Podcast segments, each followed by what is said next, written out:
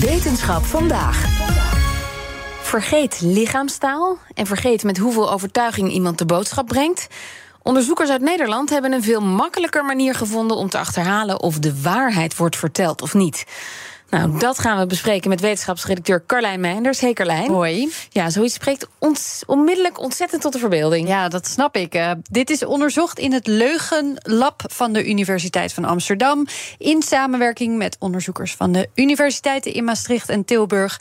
Nou zijn er natuurlijk allerlei technieken uh, die worden ingezet... om te bepalen of iemand liegt of niet. In sommige gevallen wordt van alles gemeten. In andere gevallen wordt op heel veel gelet, op intonatie beweging van de ogen of houding bijvoorbeeld. Mm -hmm. uh, of twee mensen ontleden woord voor woord wat er is gezegd in een verhaal. Maar allemaal zijn ze behoorlijk ingewikkeld. En daardoor vroeg onderzoeker Bruno Verschuren van de UVA zich iets af kan dat niet eenvoudiger? Moet dat wel zo ingewikkeld? Want ik was net eigenlijk uh, meer dan een jaar bezig geweest om die complexe manier onder de knie te krijgen. En ik dacht, ja, ik denk wel dat ik het kan nu. Ik denk wel dat ik het snap. Ik begrijp ook anderen doen. Maar ik vind het nog altijd wel heel ingewikkeld. En ik vraag me af of het wel zo ingewikkeld hoeft te zijn. En dus gingen ze het lab in om een nieuwe methode te testen. Waarom dan het lab in? Omdat je wel naar een rechtbank kan gaan om daar te luisteren naar verklaringen, bijvoorbeeld, of die ja. waar zijn of niet. Maar dan kun je meestal niet checken of iemand echt uiteindelijk de waarheid heeft verteld.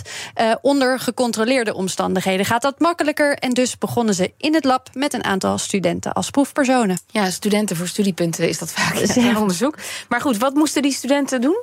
Die werden verdeeld over een groepje waarheid en een groepje leugen. En allemaal kregen ze aan het begin een briefje met een opdracht. Verlaat het lab en ga even lekker doen uh, waar je zin in hebt en kom een half uurtje later terug. Of in de leuconditie moesten ze eigenlijk een tentamen gaan jatten. Er was, lag ergens een sleuteltje, kon ze een postvakje mee openmaken, jatten het tentamen, kopiëren het tentamen en komen dan terug. Ja, na dat half uur waarin de ene groep dus niets had gedaan en de andere iets crimineels, moest uh, elke deelnemer zich weer melden en werden ze beschuldigd van deze diefstal. Vervolgens moesten ze aan de onderzoekers een verklaring afleggen over waar ze waren geweest. Allemaal als onschuldige burger. Okay.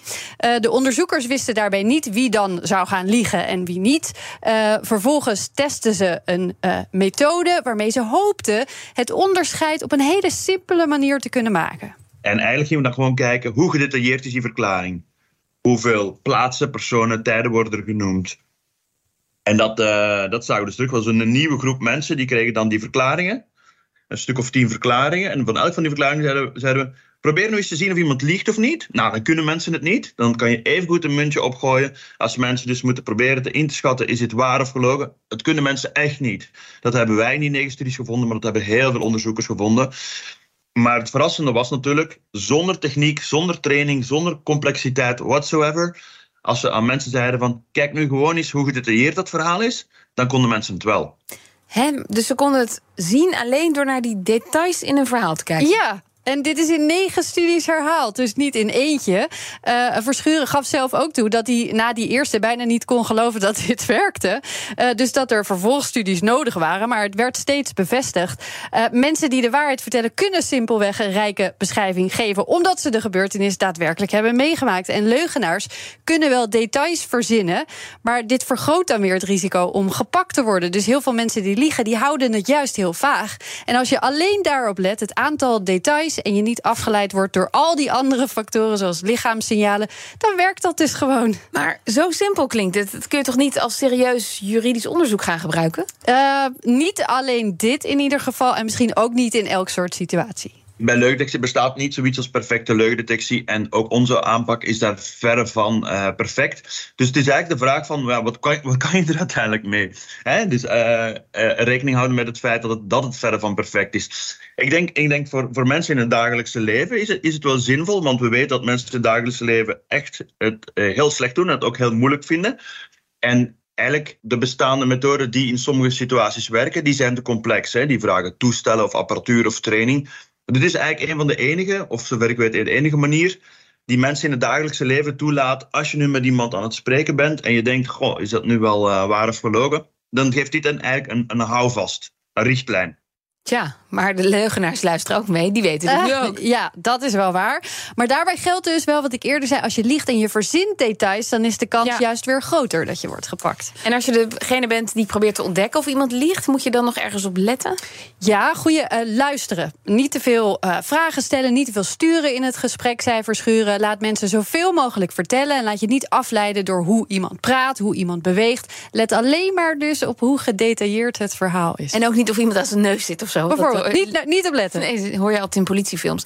Nou goed, gaan ze nog verder met dit onderzoek? Eigenlijk hoopt eh, Verschuren dat andere onderzoekers dit over de hele wereld gaan herhalen. om te kijken of het dan nog steeds allemaal blijft werken. En hij wil gaan kijken hoe het zit met kunstmatige intelligentie. Hoe goed kan een algoritme bepalen of iets waar is of niet. Als het dan ook maar één zo'n factor, zoals details, eh, gebruikt. En ook zou je hier dan iets mee kunnen als je fake nieuws wil onderscheiden van echt Ja. nieuws. Eh, maar nu, voorlopig, kunnen we het in ieder geval gewoon zelf gaan uitproberen in het dagelijks leven. Ik luister nooit meer hetzelfde naar jou, eh, Carlijn. Dankjewel. Je denkt groot en hebt ideeën genoeg. Hoe til jij je leiderschap naar een hoger niveau? Ontwikkel jezelf om je organisatie en je carrière een boost te geven. Kies voor het Advanced Management en Leadership Program bij Rotterdam School of Management Erasmus University. De beste business school van de Benelux. Ga naar rsm.nl slash leiderschap.